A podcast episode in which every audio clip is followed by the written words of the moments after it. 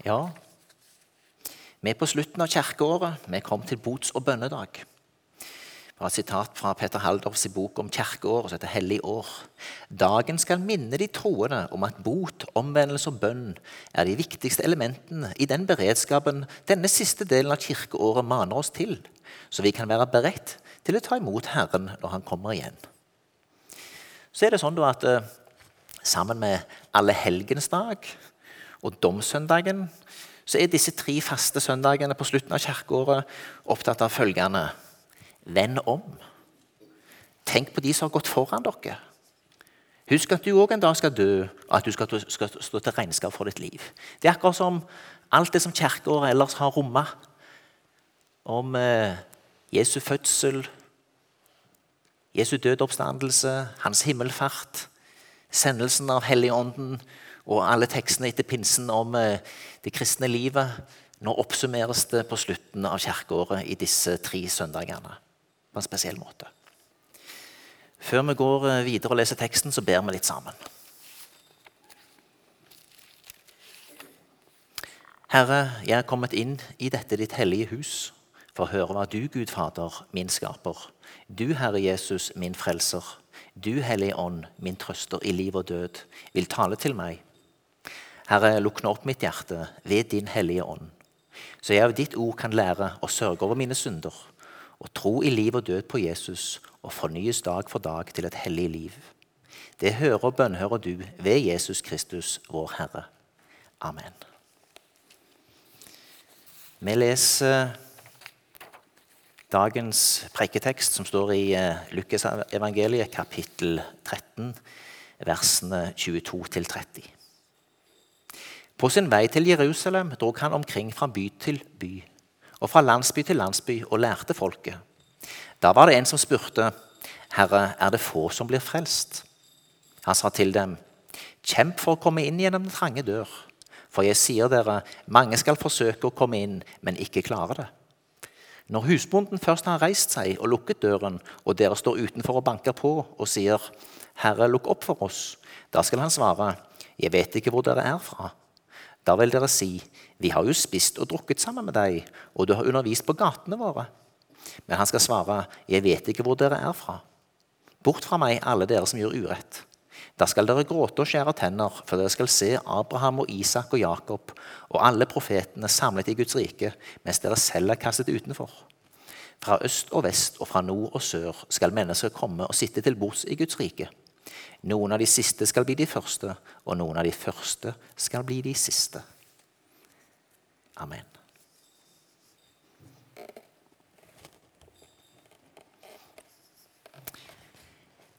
Er det få som blir frelst? Hva slags spørsmål er dette? Ligger det en fatalisme i det? Ikke vits i å prøve engang? Eller en naivitet? Vi blir jo sikkert alle regna med uansett. Jesus svarer ikke direkte på spørsmålet. Han vil ikke la fokuset ligge på hvor mange. Han har jo heller ikke svaret på det. Svaret ligger jo hos de som blir kjent med evangeliets hemmelighet, og hva de velger å gjøre med det. Svaret ligger hos oss. Hva gjør vi med dette spørsmålet? Og Så sier Jesus videre, 'Kjemp for å komme inn gjennom den trange dør'. Og Da sier Jesus flere ting. Han sier, 'Det er noe som det er verdt å kjempe for'. Og så sier han, 'Det er ingen selvfølge'. Men det er noe som det er verdt å kjempe for. Arbeid på deres frelse, sier Paulus. Eh, det å eh, På en dag som denne å dvele litt ved dette og la Herren ransake oss Jeg tror det er godt vi har bots- og bønnedag. Hvilken kamp er det Jesus inviterer oss til å kjempe? Vi kunne gjort det enkelt for oss sjøl, og så kunne vi bare snakket om de som Jesus snakket til der og da. Jødene som var Guds folk, og som visste de var det. Og som kanskje av og til eh, var litt selvsikre av den grunn, på at alt var greit med dem. Og at eh, Jesus her viser dem at det, det, er, ikke, det er ikke en selvfølge. Men eh, hvis vi drar det videre til det som kanskje er den mest aktuelle situasjonen for oss, så tror jeg at eh, vi, vi, alle har noen utfordringer. Vi bærer kristennavnet. Vi har kanskje vært på veien lenge. Men eh, det som eh, Gud sier til Josva i Josva kapittel 13 Da Josva var gammel og langt opp i årene, sa Herren til ham, Du er nå gammel og tilårskommen, men ennå er det mye land igjen å ta. Det er interessant at Gud ikke tenkte at nå skulle Josva lene seg bedagelig tilbake. Og jeg eh, opplever som at denne teksten også taler til oss. Ja, du har kommet dit du har, men eh, la oss ikke sovne, ikke bli fornøyde med oss sjøl. La oss ikke lage en gud som passer inn i vårt bilde, med regler som vi sjøl har lagd, og som vi overholder som fariserene. At vi har fått oss et enkelt og greit bilde av hva det er, og at vi ikke kan bli utfordra videre. Ei list som ligger lavt nok, som er lett å hoppe over. La oss ikke bli bedagelige og leve i en metthetstilstand der vi ikke åpner for at Gud har nytt land, nye områder ny åpenbaring å gi oss. Fra 1. Eh, Tessalonikerbrev kapittel 5 kan vi se Så la oss ikke sove som de andre, men våke og være edrue. Men vi som hører dagen til, la oss være våkne, ha tro og kjærlighet som brynje og håp om frelse som hjelm. La oss være våkne. La oss ikke sovne i bedagelighet og gamle, gode vaner. La oss være åpne for eh, hva Gud vil si oss. Igjen, tilbake til Teleios-kurset. Eh, jeg tror at det å være åpen for å lytte til mennesker og lære ferdigheter på det, eh, er òg ferdigheter vi kan ha med oss inn i vårt trosliv. Videre kampen om ditt sinn. Kampen om ditt hjerte. Kampen mellom å gjøre det jeg vil, og det Ånden vil. Romane 6, vers 12. La altså ikke synden herske i deres dødelige legeme, så dere følger dets lyster. Still ikke lemmene til rådighet for synden som våpen for urett. Still dere selv til tjeneste for Gud, så dere bruker lemmene for ham som våpen for det som er rett. La oss bruke livet vårt til det som er sant, godt og rett. La oss reise oss opp mot all urett, mot all ondskap, mot all usannhet. For vi har ikke en kamp mot kjøtt og blod, men mot makter og myndigheter, mot verdens herskere i dette mørket, mot ondskapens ånde her i himmelrommet, leser vi i Efeserbrevet. Videre fra Hebreabrevet. Den faste føde er for de modne, for dem som vil bruke sine sanser, har øvd dem opp til å skille mellom godt og ondt. La oss være sånne som er årvåkne, og som jobber på vår årvåkenhet. Og som eh, ikke bare har de fiks ferdige svarene som, som vi fikk en gang. Gud driver utviklingen framover. Han drev utviklingen framover òg på Josvas tid. Han ønsker at hver enkelt av oss akkurat som Josva, skal få lov til å være i utvikling, i vekst, hele livet.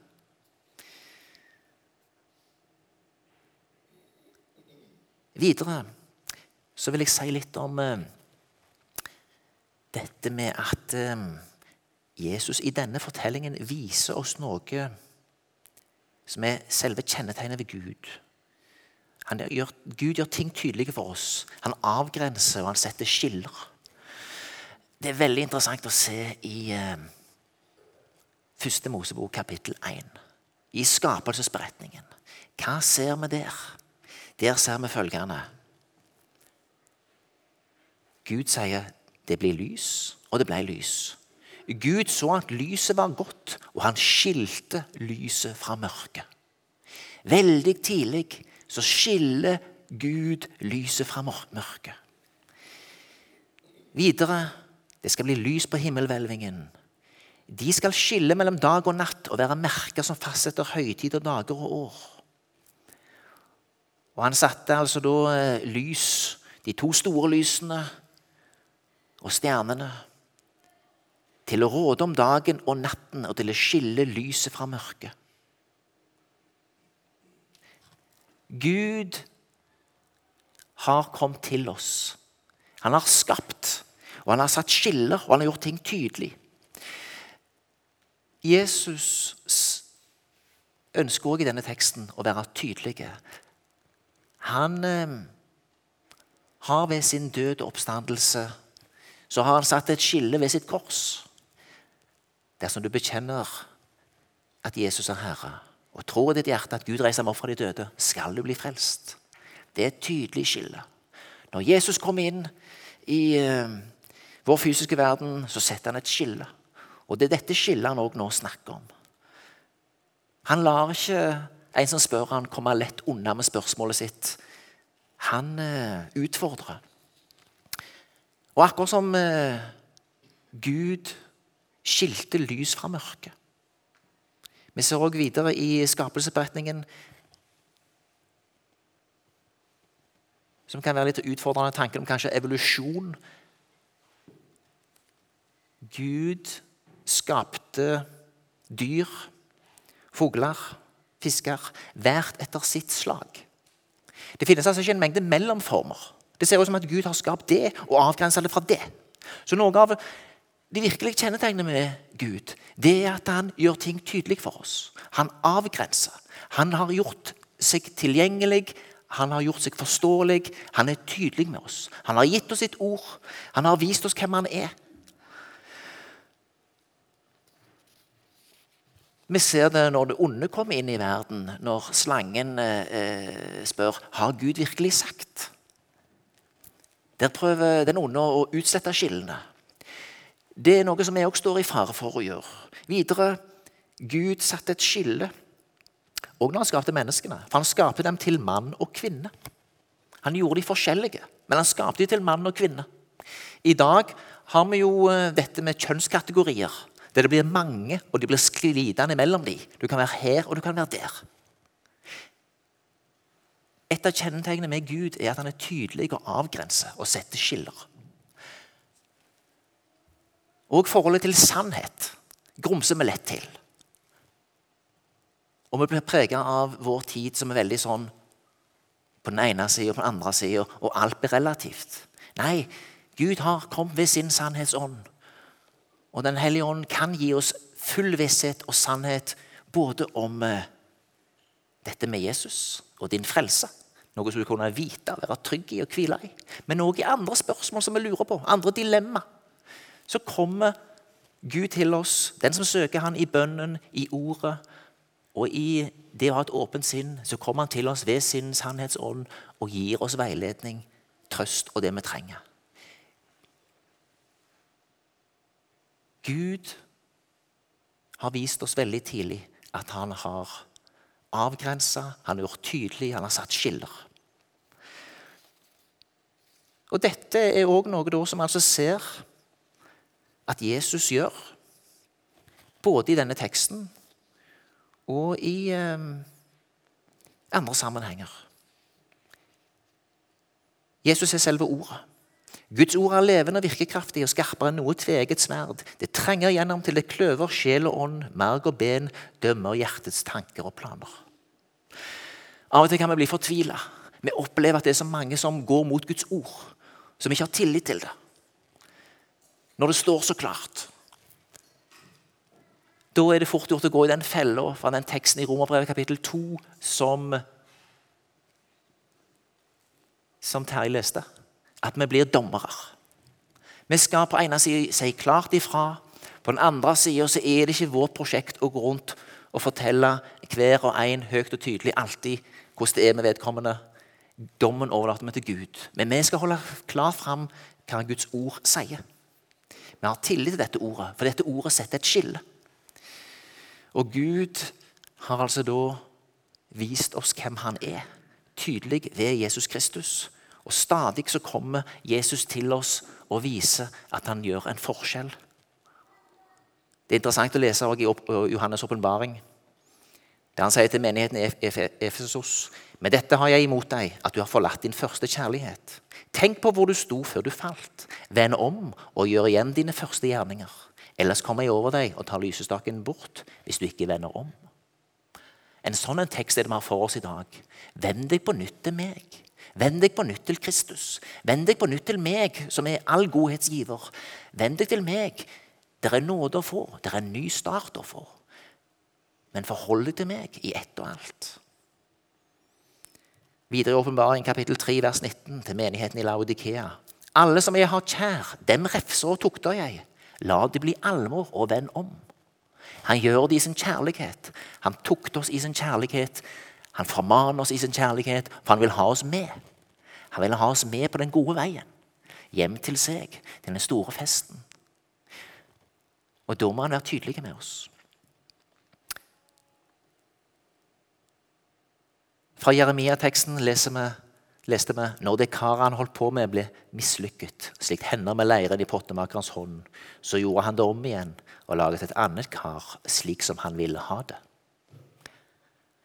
Det er godt å vite at det i utgangspunktet ikke er at vi lykkes i alt som er greia, men at vi får lov til å være i nærheten av Han som kan fornye oss, som kan nyskape oss. Han har nyskapt oss ved korset.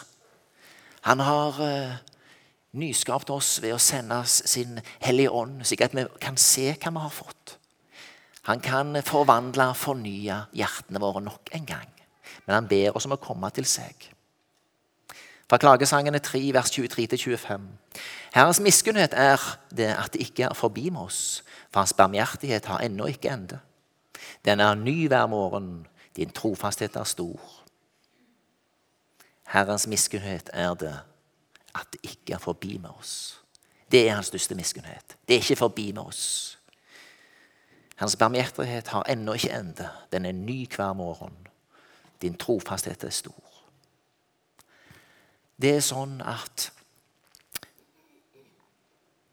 Jesus kommer her og taler tydelig til oss.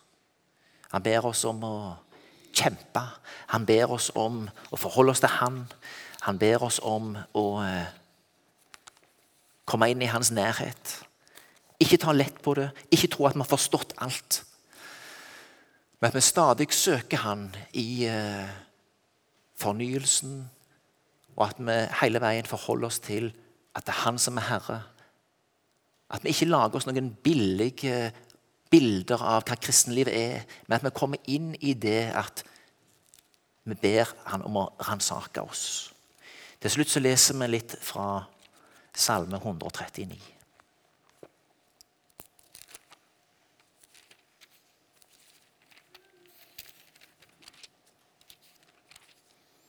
Herre, du ransaker meg og kjenner meg.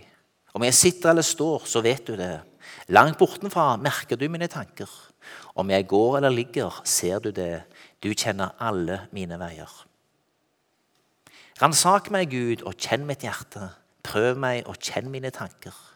Se om jeg er på den onde vei, og led meg på evighetens vei. Dette er det teksten i dag trekker oss mot.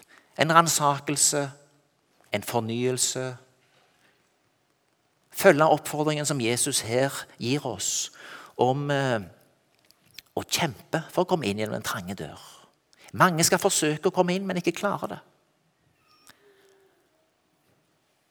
Når husbonden først har reist seg og lukket døren der, og der står utenfor og banker på og sier 'Herre, lukk opp for oss', da skal han svare 'Jeg vet ikke hvor det er fra'. La oss være sånne som eh, ransaker oss sjøl, lytter til Herrens ord, stadig leve i fornyelsen, lar nådeordet få forvandle oss og fornye oss, samtidig som vi hele veien får lov til å leve i eh, dette at det er en kamp, kan være. Og det er ingen selvfølge at vi når fram. Det finnes så mange rare stier. Men vi ber stadig om at eh, Gud ved sin ånd må fornye oss og lede oss på den gode vei. Amen.